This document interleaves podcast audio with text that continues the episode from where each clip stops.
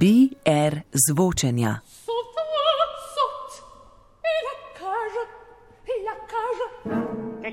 La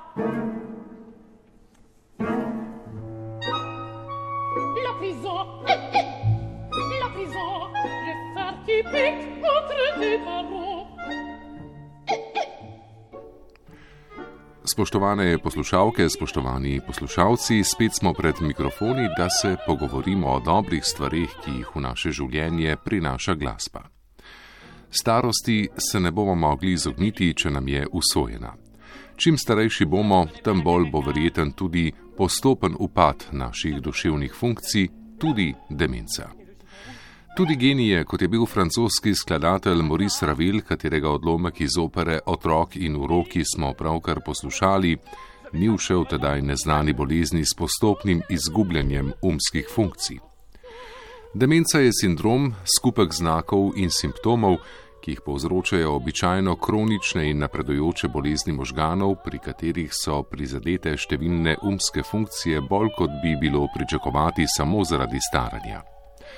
Prizadene više možganske funkcije, med katere sodijo spomin, mišljenje, orientacija, računanje, govor, presoja, sposobnost za učenje. Zavest ni prizadeta. Ob demenciji se pogosto poslabšajo sposobnost obvladovanja čustev, vedenje in motivacija. Lahko pa se te spremembe pojavijo že pred motnjami umskih funkcij.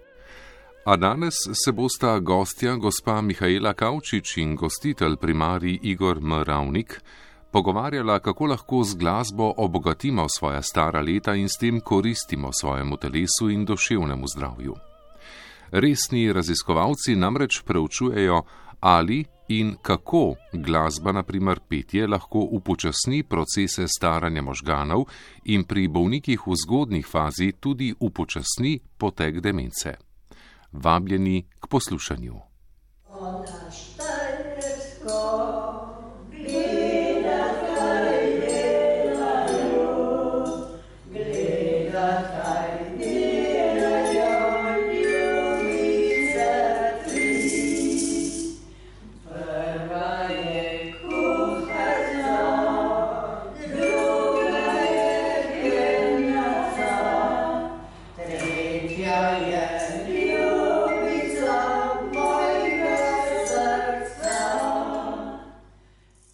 Dobro dan vsem.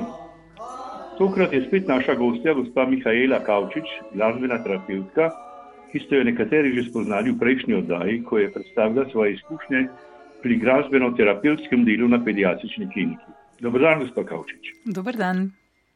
Čeprav vas mnogi že poznamo od zadnje oddaje, pa nas danes morda marsikdo posluša prvič. In vas prosim, da se še enkrat predstavite in morda na kratko poveste, Kako vas je življenje z glasbo pripeljalo tudi do tega, da delate s starejšimi in dementnimi?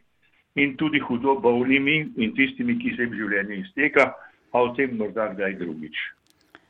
Ja, rodila sem se jokal in kričal otrok in eh, so kmalo rekli, da bo tole pevka. K sreči mi ni bilo treba v vrtec in uh, sem se do začetka osnovnega šolanja čuvala doma, čuvala me je moja stara mama, s katero so se zelo dobro razumeli. In medtem, ko so moji sovrstniki hodili v vrtec, je moja stara mama z menoj hodila k svoji prijateljici na kavico in jaz sem bila deležna teh eh, druženj njunih. Seveda sem tudi jaz dobila svojo malo šalčko s projo, da sem zgledala kot eh, ti dve gospe. Veliko zgodb sem slišala med njima, pa tudi uh, veliko pesmi in to je na nek način um, tudi uh, me zaznamovalo. Potem pa usporedno s osnovnim šolanjem sem se upisala tudi v glasbeno šolo, v, na klavir, da ne bom samo pela. Po končani osnovni šoli sem šla na gimnazijo in v, med uh, vikendi počela marsikaj. Um, sem takrat že aktivno prepevala v enem mešanem pevskem zboru.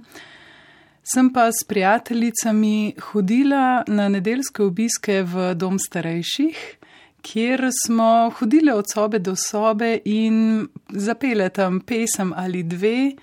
In uh, ko zdaj pomislim, je to res bil nek uvod v to mojo življenjsko zgodbo z glasbeno terapijo tudi na, na oddelkih z osebami uh, z demenco.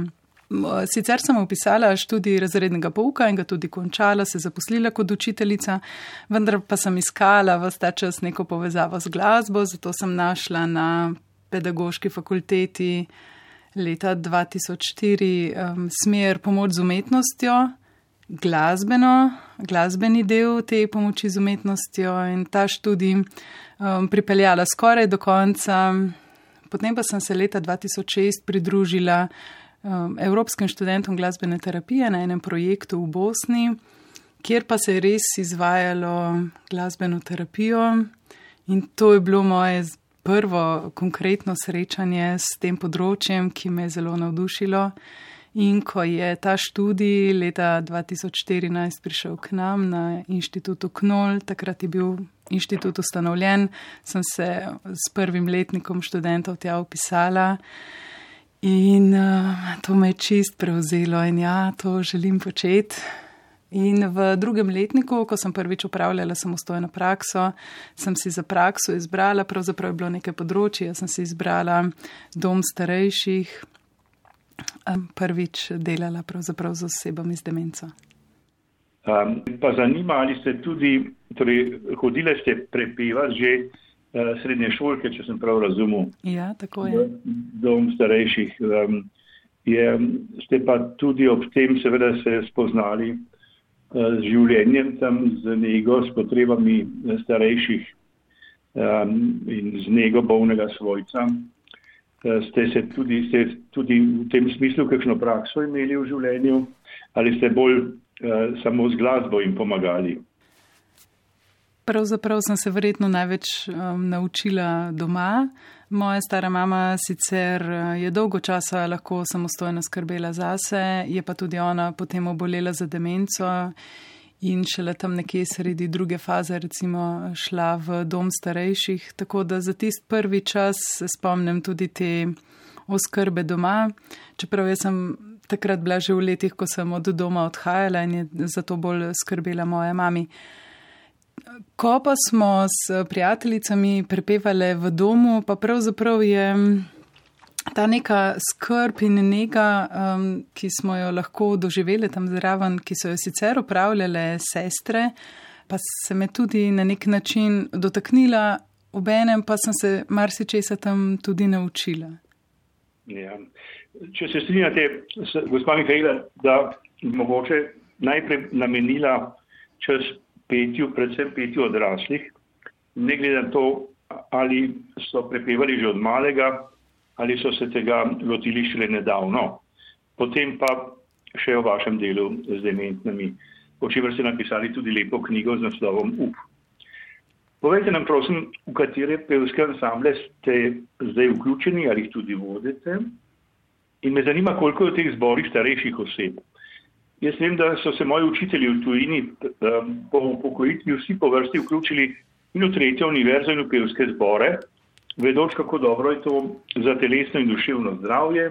No, med epidemijami moramo seveda paziti, ker spet jim prenašamo tudi virus. Kako ljudi privabite v zbore? Ali če jih je malo, kako to, da jih je malo? Ja, bom začela na začetku. Trenutno vodim šolski otroški zbor na šoli, kjer delam. Sem pevka in vodja Sexteta Adoramus, to je skupina sedmih žensk. Sextet eh, ime je ostalo od um, začetne zasedbe, potem pa smo se um, od štiri do sedem nekje nas prepeva, trenutno pač sedem. Sem organistka in eh, pianistka mešanega zbora Doramus in pa vodim obrtniški mešani pevski zbor Notranska.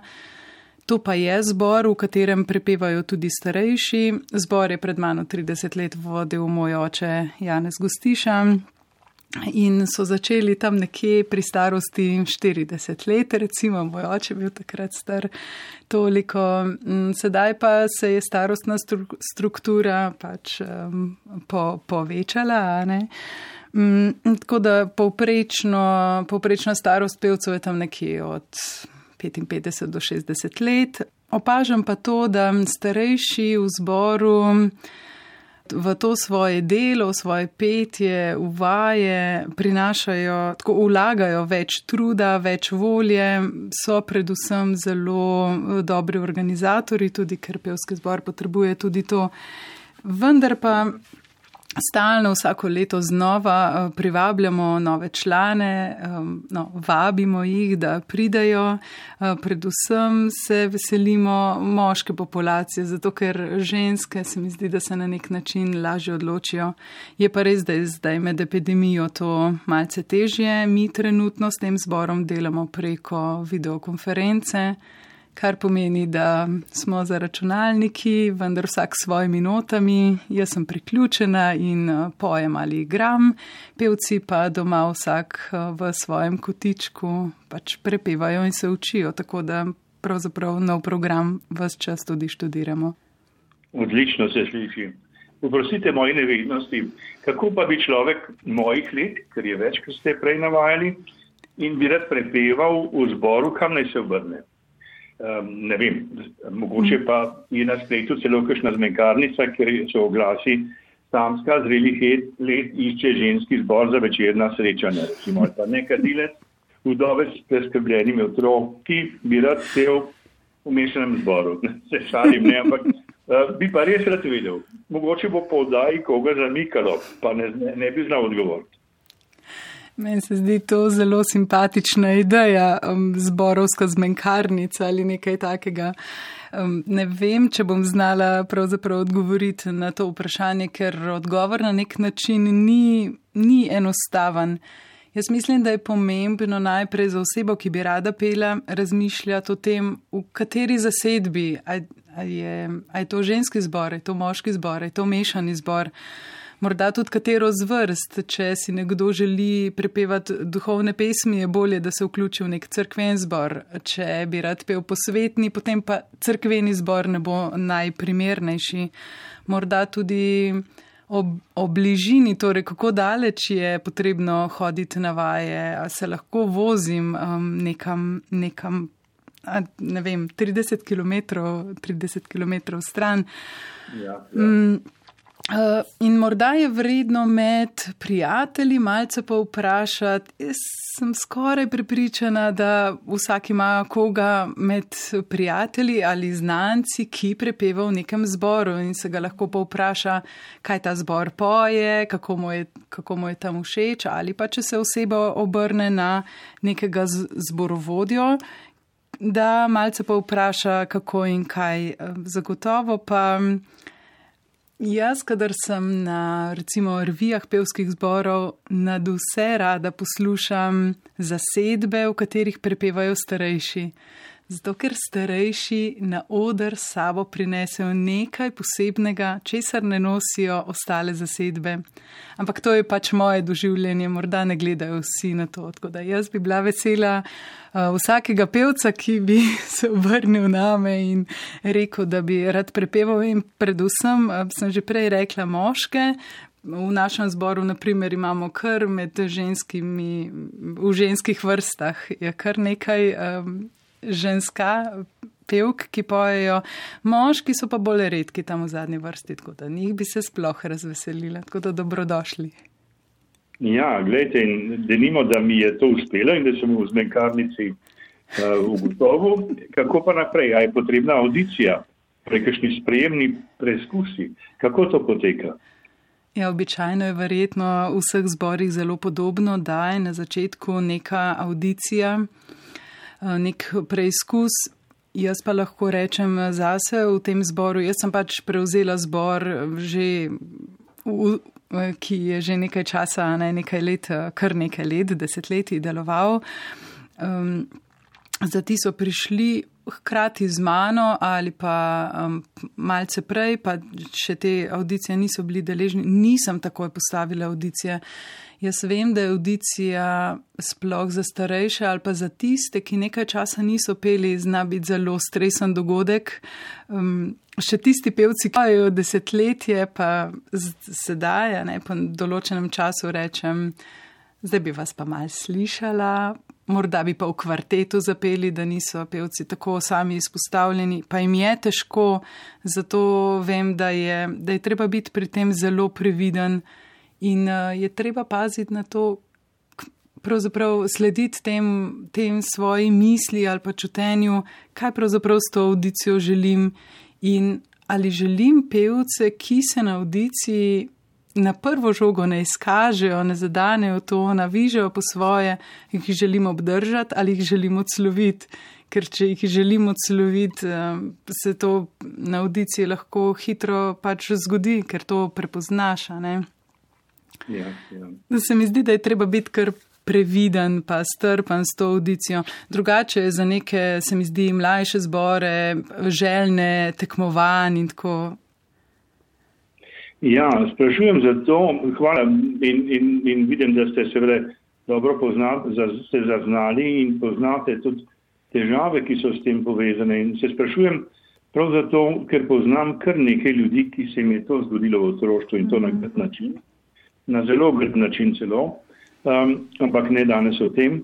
Vse življenje nosijo pravzaprav bolik spomin na zavrnitev, za nekatere je bila to čisto prava, lahko rečem, psihološka travma. In kar nekaj poznam, ki so se potem v zrelih letih upisali k pevskemu učitelju, da bi ta notranji vozu iz otroštva razrešili, ampak pojejo bolj zase, ne, ne pa kot vseh, ki jih poznam, da bi kdo šel v zbor. Kar odleže mi, ko poveste tako izkušnjo, da je kdo uspel iti skozi to. Jaz se sama tega zavedam tudi zato, ker sem učiteljica in uh, zelo pazim na to, kaj otroku rečeš. Zdaj, zelo lahko je z otrokom, ki ima že v vstopu v šolo že kar dobro razvit posluh. Jaz zelo dobro vem, da se posluh razvija, da se ga lahko razvije. Torej, treba s temi najmlajšimi zelo pozorno, sploh s tistimi, ki jih okolica, ma tudi vrstniki, um, označijo kot neke brundače. Te brundači so lahko zaradi tega, ker, naprimer, um, doma niso veliko prepevali ali pa ne prepevajo, poslušajo neke posnetke, kjer se poje nizko. Ne me narobe razumeti, včasih tudi vzgojiteljico v vrtu pač pojejo nizko, ker pojejo v svoji legi, ne pa v legi otrok. Lega otrok v predšolskem obdobju je zelo visoka. Jaz sem, na primer, altistka, jaz se moram potruditi, da pojem visoko z otroki, ampak vem, da je to potrebno um, ravno zaradi tega, da gremo ven iz brundačev, da otroci pojejo tam, kjer, kjer uh, je njihov naravni glas pravzaprav. In uh, poznam enako kot ste omenili te primere, ko um, je nekomu nekdo povedal, da ni pevec ali pa celo ni opravil audicije. Zato se mi zdi zelo dragoceno, če nekdo to svojo trpko izkušnjo zmore v življenju s pomočjo pevskega učitelja, določenega terapeuta ali pa celo sam, z, ne, vem, ne vem čem, z nečem, kar najde v življenju, pač preseči, a ne, iti it naprej. Jaz imam en primer gospe, s katero sem delala v glasbeno-terapevtskem procesu, bila gospa že v, je že obolela za demenco, ampak v teh uh, dobrih dnevih, ko se je pač spominjala, je to prišlo na plan, točno to iz osnovne šole, se je spomnila, da je učiteljica rekla, da ona ne poje. Ta gospa je pravzaprav vse čas popevala, vse čas. Ja. Znala je repertoar ljudskih pesmi, uh, tako odzivna na ples in tako, ampak nosila je v sebi uh, recimo 70 leti. To izkušnjo, ki jo je takrat kot otroka v osnovni šoli zelo prizadela, na nek način zaznamovala. Ja, ja novi govorite o 70 letih, jaz imam pa prijateljico iz družine, kjer je bilo prepovedano peti in plesati in se je pri 60 letih upisala k petju, takoj potem, ko je umrl strogi oče, ki je bil nosilec prepovedi. Se sliši neverjetno, ampak za zidovi družin in kultur smo v resnici eh, si zelo različni. Kaj pa vam povedo prihajajoči pevci, če jih vprašate, zakaj si želijo zbor? Ja, pevci običajno pridejo, za, pridejo z uh, besedo, ki pravi, rad pojem, pa rada pojem. To mi prinaša veselje, to mi prinaša sprostitev, petje mi je v, v užitek. Um, ja, predvsem to ali z novo vključenimi delate kaj posebej, um, ne vem, jim dajete domače naloge, da vadijo ali se kako učijo tehniko, um, petja, dihanje ali postopoma pridobivajo te spretnosti skupaj z ostalimi. Jaz v resnici pevce, nove pevce prišleke, kar posedem med ostale. In uh, za vse, za cel zbor imam eh, kolegico, ki prihaja in nas uvaja v tehniko petja, v, v, tehniko pravilnega dihanja, kar se mi zdi izrednega pomena. To ni nekaj, kar je samo za mlade pevce, to je nekaj, česar se lahko pri 70, 80 in čez naučiš, ponovno spoznaš, spoznaš en del svojega telesa, ki si ga do zdaj na nek drugačen način uporabljal, morda celo napačno in se mi zdi to zelo pomembno. Tako za stare, stare pevce, v stare v smislu, da že imajo nek pevski staž, kot za tiste, kot za tiste nove, ki pridejo. In doma, no, domača naloga. Vse življenje sem sicer pil, ampak na grlo in mi je grlo bolilo. Po petju meni se je slišalo in drugim to lepo, ko sem se pa naučil drugače, pet pa ni bilo vedno ravno blagoglasno, ampak da je za zdravje, za dihanje, um, srce, možgane in dušo, pa to odlično. Um, ali tudi nastopate s temi zbori potem? Jaz. Lep prizor iz knjige Erika Emanuela Šlita, francoskega pisatelja in ljubitelja glasbe in poznavalca glasbe, ki ga je neverujočega v božični nakupovalni zmedi globoko presunila in ga duhovno razsvetlila izkušnja, ko je zaslišal petje zbočka pokojnicov pred Jonsko katedralo. Peli so pa Ave Verum Corpus. Morda bi bilo možno, da poslušava ta odlomek ali pa ga sam preberem. V hipu sem se nenadoma zavedel, kje sem. Božič ob vznožju katedrale. Na stopnicah so se pod oboki, kjer so iskali zavetje pred snežinkami, stiskali pevci, vetrovka v vetrovki, svečkami, ki so jim ledenele pod nosovi, z oblaki bile megle ob vsakem odpiranju ust. Pristopil sem in pogledal na nje, se je moje presenečenje še stopnjevalo. Je mogoče, da prihaja tako lep spev iz teh obrazov, od 60-letnikov kmečkega vedenja, zažgano kožo lic s potezami, ki so jih načela leta. Iz bočka starcev se je rojevala nova glasba, mehka in gladka kot dojenčkova koža po kopeli. Nisem veren, a svojo ustrajno, neizrekljivo, nežno melodijo in tako dalje. A ni to lep opis nečesa, o čemer gre pravkar beseda?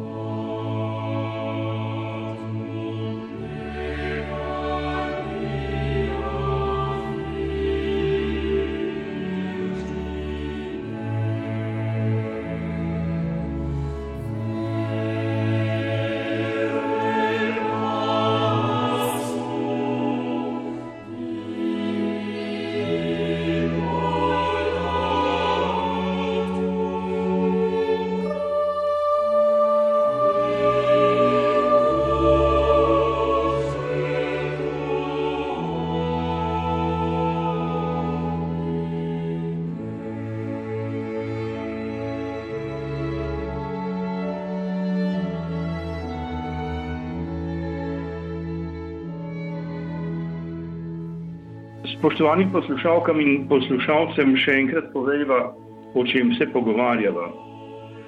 Naša gostja je danes gospa Mihajla Kavčič, glasbena terapevtka, ki nam je v prejšnjem obisku opisala svoje delo na otroškem oddelku, malo prej pa sva govorila o vodenju zbora odraslih oseb in zdaj bo vas pogovorila še o tem, kako se pri delu starejšimi varovanci v domovih starejših oseb od blizu spoznala z njihovim življenjem in ga pestrila in bogatila z glasbo, ki jo je izvajala za dementne osebe. O tem ste napisali tudi lepo knjigo z naslovom Up, gospa Gavčič. Kako ste prišli na misel, da bi delali z dementnimi? Že prej ste o tem eh, nekaj povedali, da se je pravzaprav to kar zgodilo, ampak kasneje ste se pa posebej odločili eh, že, še med študijem, da ste se lotili tega dela tudi študijsko. Ja, res je. Najprej hvala lepa, da ste omenili, da sem napisala lepo knjigo. Res je nastala iz uh, mojega študijskega dela, ob nekako ob zaključku svojega študija. Sem razmišljala, kako zdaj, kakšno zaključno nalogo narediti, in sem jo delala v nekako z mislijo na to, da bi nastalo nekaj konkretnega. Takrat je nastal nek zveščič ki pa je kasneje ob spodbudi mojega prijatelja se odebelil in uh, smo razmišljali o tem, da bi, da bi izdali knjigo. Zakaj sploh z osebami z demenco? V drugem letniku študija na inštitutu Knol sem si za prakso, kot sem prej povedala, izbrala to okolje. Mislim, da je to povezano tako kot celo moje življenje, kadar gledam nazaj, vidim, da se stvari ne dogajajo na ključno, da pač um, se povezuje ena z drugo. Verjetno tudi zaradi tega, ker je moja stara mama, ki, katero bila, na katero sem bila zelo navezana, uh, obolela za demenco in sem v času, ko še nisem študirala, sem jo pa obiskovala v domu, ugotovila, da je glasba edina skupna točka, na kateri se še srečava.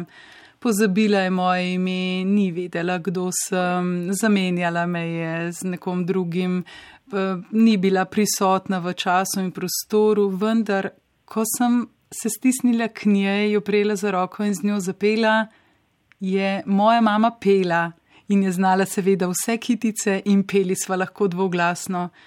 In uh, ta izkušnja, zelo močna izkušnja, kako glasba lahko poveže, kako lahko osebo z demenco vrne v nek svet, ki je moja realnost, um, ki je po drugi strani tudi njena realnost, je taka, taka močna. In mislim si, da je, da je to bil tudi eden od vzgibov, za, zaradi katerega sem se jaz odločila za, za upravljanje prakse na.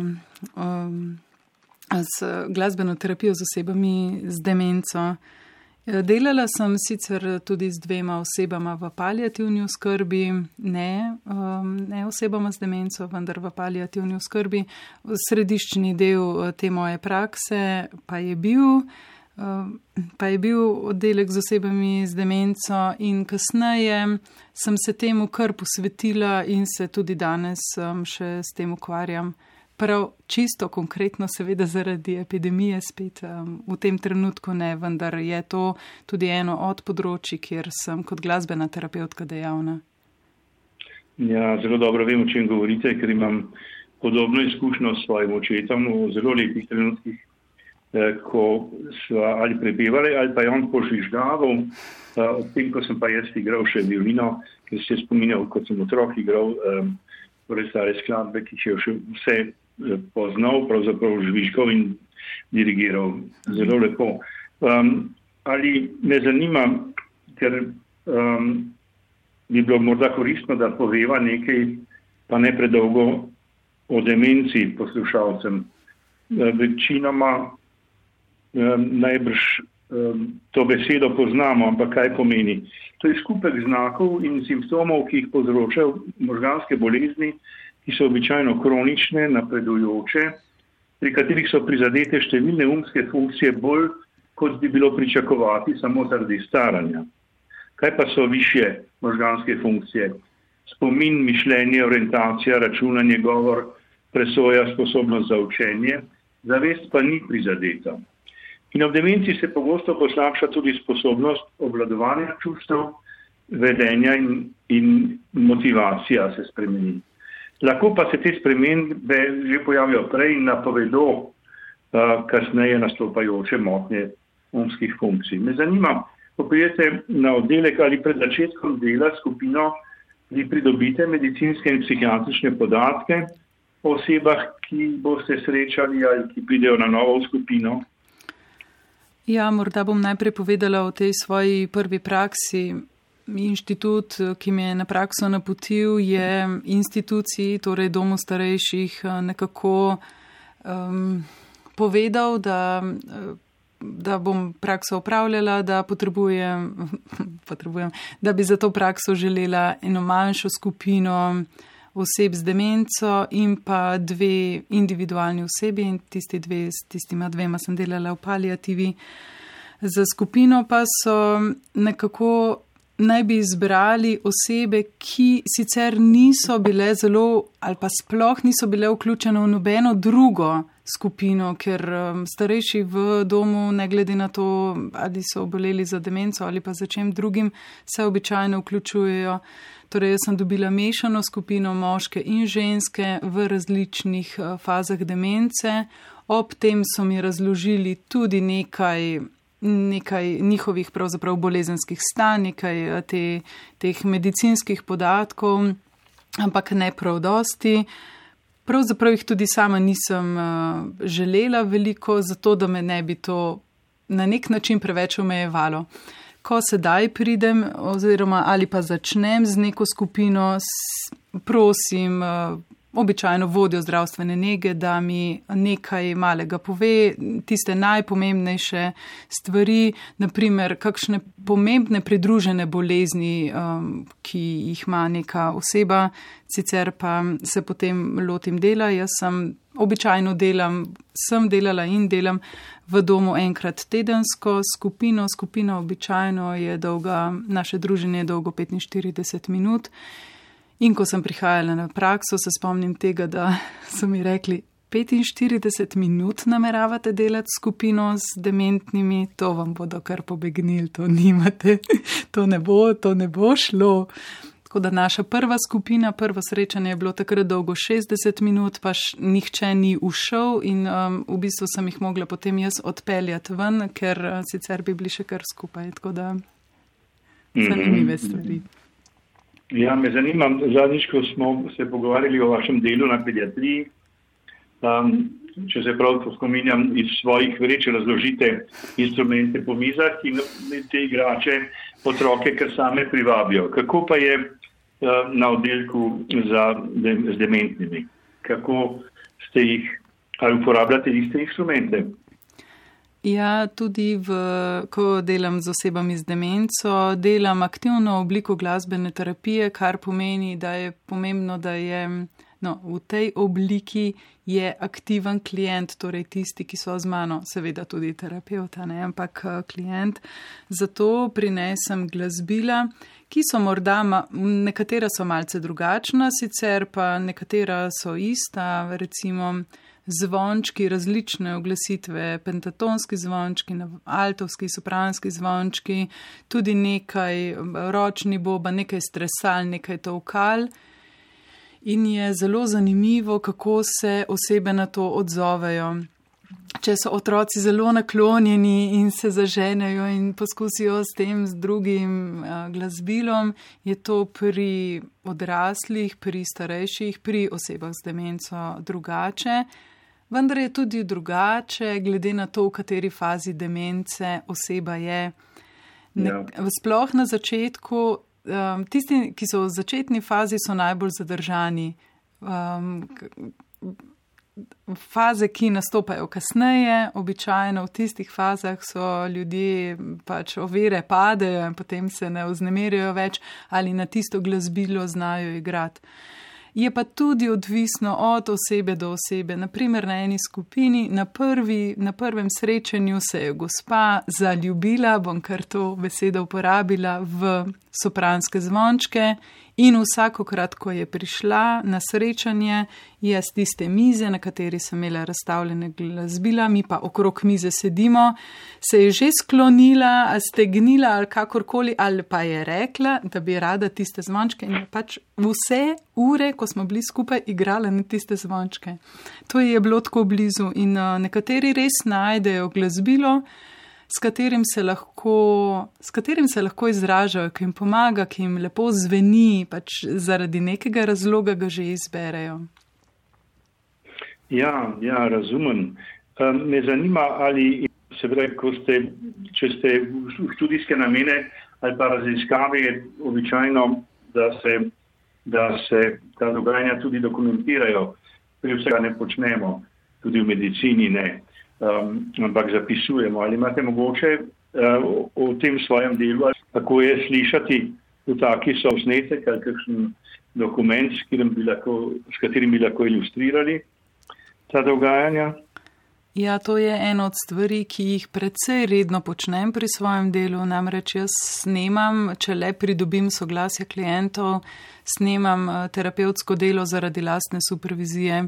S temi Aha. posnetki delam zelo skrbno in skladno z vsemi etičnimi načeli glasbenih terapeutov in dogovorov, ki jih sklenemo s klientom, s klientom ali pa s klienti, vendar pa so nekatere stvari.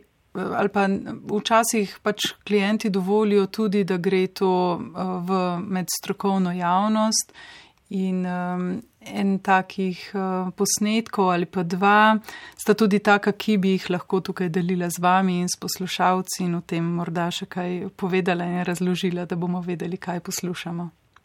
Lepa hvala, zelo prijazno. Tako,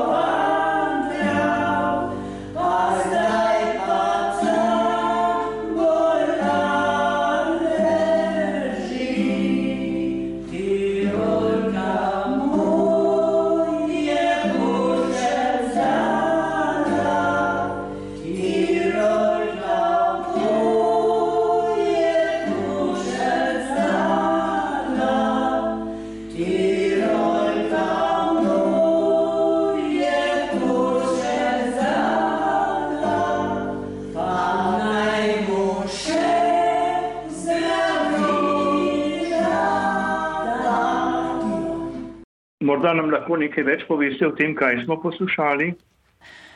Poslušali smo zaključek eh, naše, našega druženja, torej čist eh, zaključni del srečanja. Pravzaprav je bil to tudi zaključn, zaključek naše skupine, našega polletnega druženja.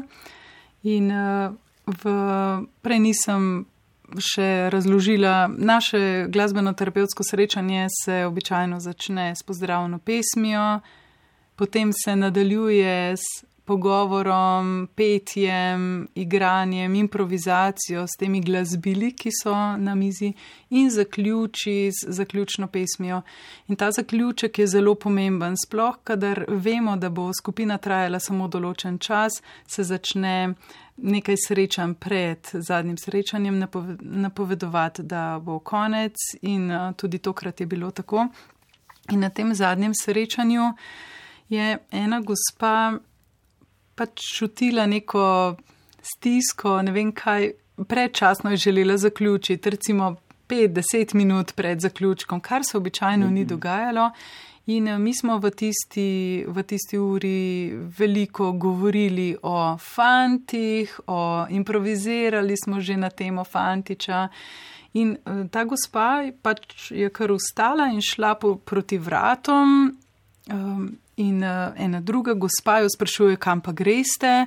Uh, in odgovarja, to vas nič ne briga, kar odhaja. Yeah. In jaz želim poseči vmes na nek način, ko vsaj zaključno pesem, pa, pa bi za njo še. in ji vzamem kitaro, da, da bom to začela pet. In med gospema se pa še zmeraj kar spleta ta pogovor, kam pa, zakaj pa, nič vas ne briga, kdo pa vas je klical, sprašuje spet ena. In jaz posežem v mestu, tukaj s to besedo fantič, ki je bila v bistvu naša tema tistega srečanja. In ko jaz rečem fantič, v bistvu obe gospe skoraj sočasno začneta: Moj fantič je na trolsko vandral. In odpojemo celo pesem, in v tej pesmi se ta gospa poslovi in uh, zaključi res to naše srečanje, in tudi mi ga potem lahko tako izpeljemo. In ni samo pač ena čisto običajna pesem, moj fantič je na trolsko vandro, ki bi ga lahko zdaj le v studiu recimo zapeli. Ja, ja, ja, razumem. Lepa hvala. Je lepa hvala. Jaz razumem, da seveda v skupini um, um, imate osebe z različnimi fazami demence in se morate tudi temu sprot prilagajati, ampak o tem um, ne bo zdaj le časa. Me pa zanima, ko ste omenjali tisto gospod zvončki, kakšne pa možnost, da tudi ko vas ni, če je en teden ali pa ko vemo, da bo tega konec, da nekdo v domu prevzame en del tega ali pa da vi oddaleč, um, kaj bom rekel, da ste samo še konzultantska, pa nekdo v od osebja vsaj en del teh dobrih izkušenj unese v vsakdanje življenje doma. Ali ste kaj razmišljali o tem? Meni se zdi to zelo pomembno, zato tudi skupaj z inštitutom KNOL, um, delno pa tudi v, s, s našim društvom, Adlibitom društvom za glasbeno terapijo, pripravljamo različna predavanja ravno za strokovne delavce v različnih institucijah. Mi jih ja. ne vzgajamo k temu, da so glasbeni terapeuti, ker za glasbenim terapeutom stoji kar konkretno in dolgo izobraževanje. Ja. In pa ponudimo nekatere elemente glasbene terapije, ki jih mi uporabljamo, da bi jih oni lahko uporabljali tudi pri svojem vsakdanjem delu. In to bi bilo zelo dragoceno in pomembno. Se mi pa zdi pomembno naglasiti tudi to, da če pa ena sestra na oddelku ali pa ena negovalka, nekdo, ki ima čas in vzame tiste zvončke in z eno gospo na tiste zvončke igra ali pa jo posluša ali pa ob tem, ko gospa igra na zvončke, ta strokovna delovka poje, da to še ni glasbena terapija. Torej, da razlikujemo, kaj, kaj pač glasbena terapija je, kaj pa je nek uh, element, nek, uh, neka glasba, neko petje, neka pesem um, sproži v osebi in kako sem lahko ob njej v neki glasbeni dejavnosti ali pa urici. Seveda, o tem sem govoril, ne, ne o tem, da ne imate potem šnel kurze za glasbene terapeute, da se to dobro iz mhm. glasbe, ki je itak med nami, uh, ampak tudi v ustanove uh, z vašo pomočjo, če že ni nekdo drug tega prej naredil, da potem prenese. Iz prakse medicinskih sester vem, um, kako so bile recimo v dežurstvu presenečene, koliko je lahko še vsebin in želje po komunikaciji pri pacijentih, takrat so bilo na uh mhm. -huh. psihiatriji, uh, geriatrični oddelek um, na tem oddelku in tega dejansko morda uh, nihče ne ve, ker si ob mehnem številu osebe in rutini dela, komaj kdaj kdo vzame čas za miren pogovor. In se spominjam med epidemijo, prijatelj zdravnik je poročal o stiski svojega 19-letnega vnuka, ki je kot prostovoljec hodil obiskovati stare ljudi v domovih, kavica in pogovor. In se predvsem so se pogovarjali in med pandemijo mu je v dveh tednih umrlo šest takih prijateljev. Prav, da je bil on najbolj prizadet v vsej širši družini. Um, govorim tu o stiski osamljenih ljudi v bolnišnicah, najbrž še bolj kot v domovih in to ne le v času pandemije. In če, če to osebje ima tudi eno, eno orodje, s katerim lahko pri osebi z demenco zbudi pozornost, je to res um, zelo dober rezultat ne samo vaše ure, ampak vpliva na, na v sistem. Te kdaj ugotovili, da je kakšna glasba tudi lahko škodljiva? Oziroma da slabo deluje na nekoga. Ja, absolutno se mi zdi, da moramo biti glasbeni terapeuti zelo pozorni čuječi na nek način v teh naših srečanjih. Jaz ne bi a priori sploh govorila o tem, da je glasba zdravilna in da je glasba eh, za vsakogar in eh, v vsakem prostoru in v vsakem. Mislim, da moramo biti zelo subtilni ob tem in to pravzaprav lahko prepoznamo, ker iz odziva tudi ene zelo eh, že vase obrnjene osebe z demenco se da prepoznati, ali je glasba, ki jo naprimer jaz izvajam za nekoga oziroma skupinsko, ki jo izvajamo za nekoga. Eh, blagodejna, dobra, ali mu, ali, mu dela dobro, ali pa ne. Zelo se mi zdi to uh, pomembno, da, da to prepoznamo in to se da prepoznati um, iz, iz odziva. Ja. Me zanima, v, seveda pri tem delu uh, tudi, se v vas tudi nabirajo najbrž uh, stiste negotovosti in vas to tudi bremeni imate možnost, da se o tem posvetujete in redno pogovarjate z nekom. Prej ste omenjali supervizijo, najbrž ste pri tem na to mislili. Ja, jaz sem vključena v supervizijsko skupino, zdi se mi zelo pomembna, zato ker seveda naletimo na to glasbeno-terapevtsko srečanje čez zunaj naše sobe, pa bi nekdo samo poslušal, pa bi si mislil, to je samo mešanica nekega petja, kričanja, pogovarjanja, ampak zgodi se veliko uh, intimnih stvari tam notri, uh, veliko ran se odpre, um, se je rana potem tudi omogoča zdravljenje, ne, ko jo enkrat uh, prepoznamo. In uh, so stvari, ki se me močne dotaknejo, ali pa, ali, ali pa pride do situacije, ko ne vem, kako, kako naprej. Pravzaprav zato mi je zelo pomembno, da to lahko nesem na supervizijsko skupino in ob tem je še. Eh, dragoceno, če imam tudi posnetek, ker v posnetku se lahko marsikaj, marsikaj razreši. En, ena takih težav, ki sem jo prinesla, enkrat se spomnim, da bila gospa, jaz z eno eh, skupino kar konstantno delam v enem od domov in pač, kad, ko se nekdo poslovi um, od skupine v smislu, da, da umre, pride nekdo drug, eh, pride na njegovo mesto. No? In ja. v skupini je bila že leto in pol zagotovo ena gospa. Demenca eh, je bila tam nekje med prvo in drugo fazo, recimo v drugi fazi. Eh, ni, ni hitro napredovala, torej predvsej se je, se je upočasnilo to dogajanje. Torej, gospa je imela še kar veliko teh svetlih, jasnih trenutkov, je vedela, kaj želi in česa ne, in tako in je prišla s to s to idejo, da on, ona pač ne bo več hodila.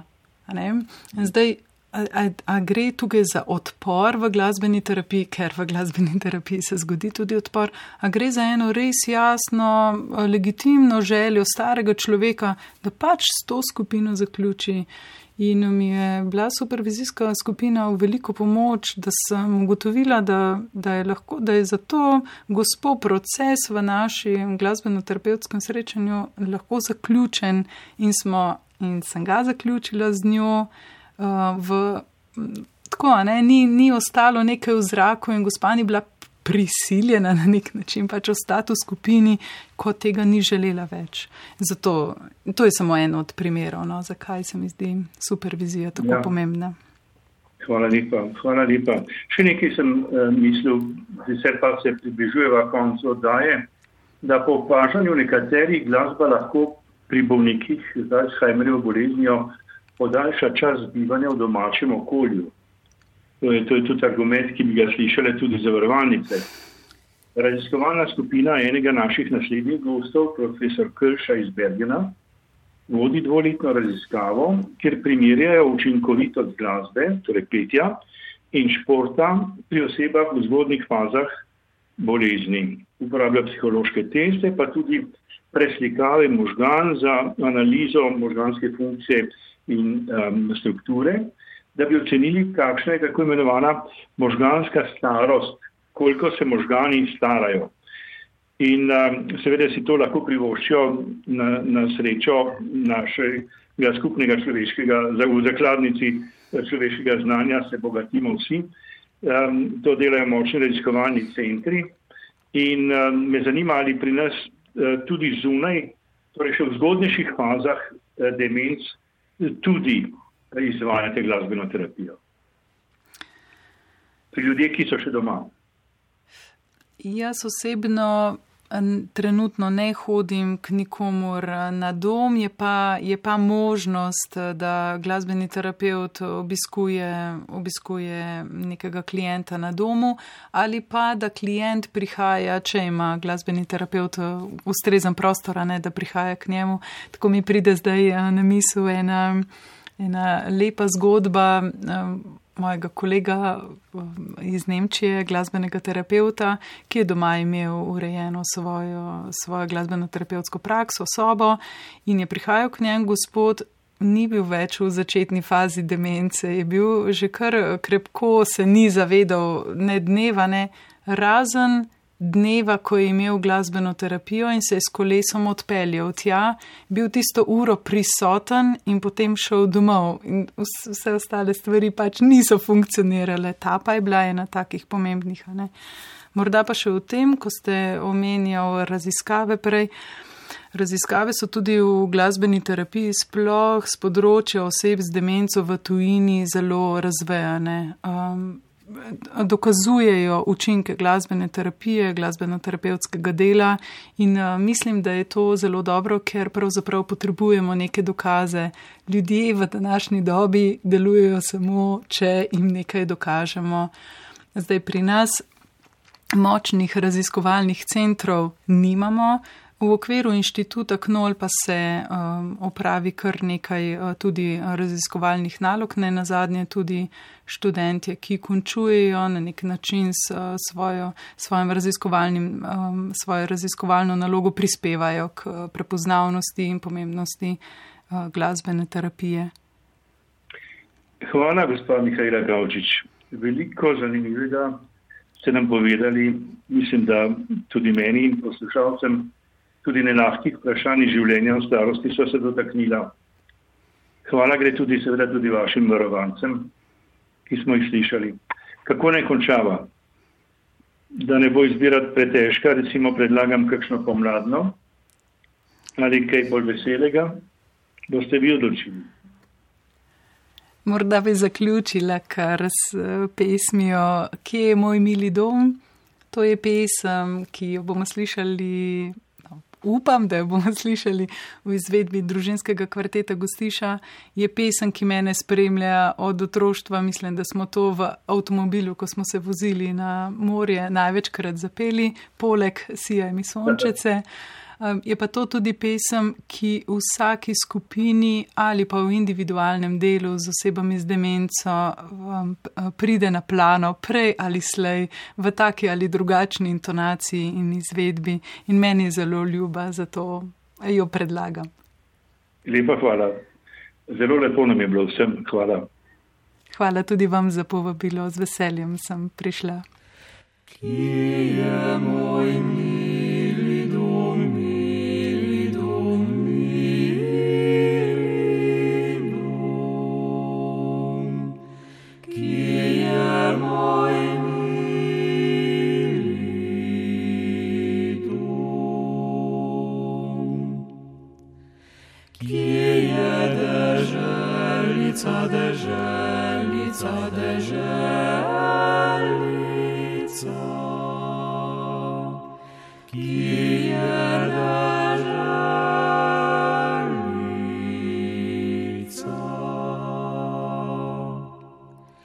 Ki moja ljubica, ljubica, ljubica,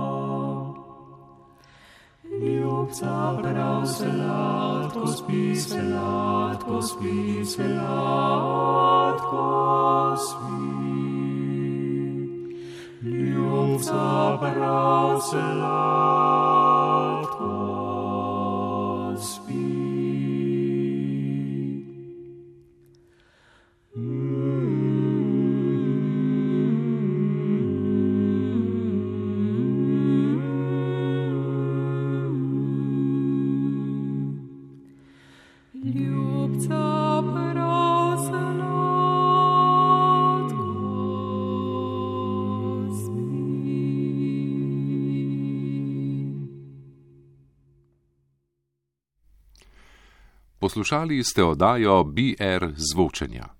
Gostja, gospa Mihajla Kavčič, glasbena terapeutka in gostitelj primari Igor Mravnik, sta se pogovarjala o tem, kako lahko z glasbo obogatimo svoja stara leta in s tem koristimo svojemu telesnemu in duševnemu zdravju.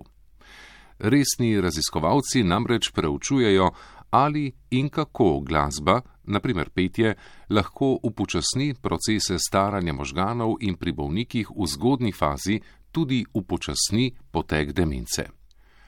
Zvočno sta oddajo oblikovala Vladimir Jovanovič in Miha Klemenčič, bral sem Aleksandr Golja, urednici oddaje sta Saška Rakev in Tina Ogrin. Vsebine iz projekta BR sofinancira ustvarjalna Evropa.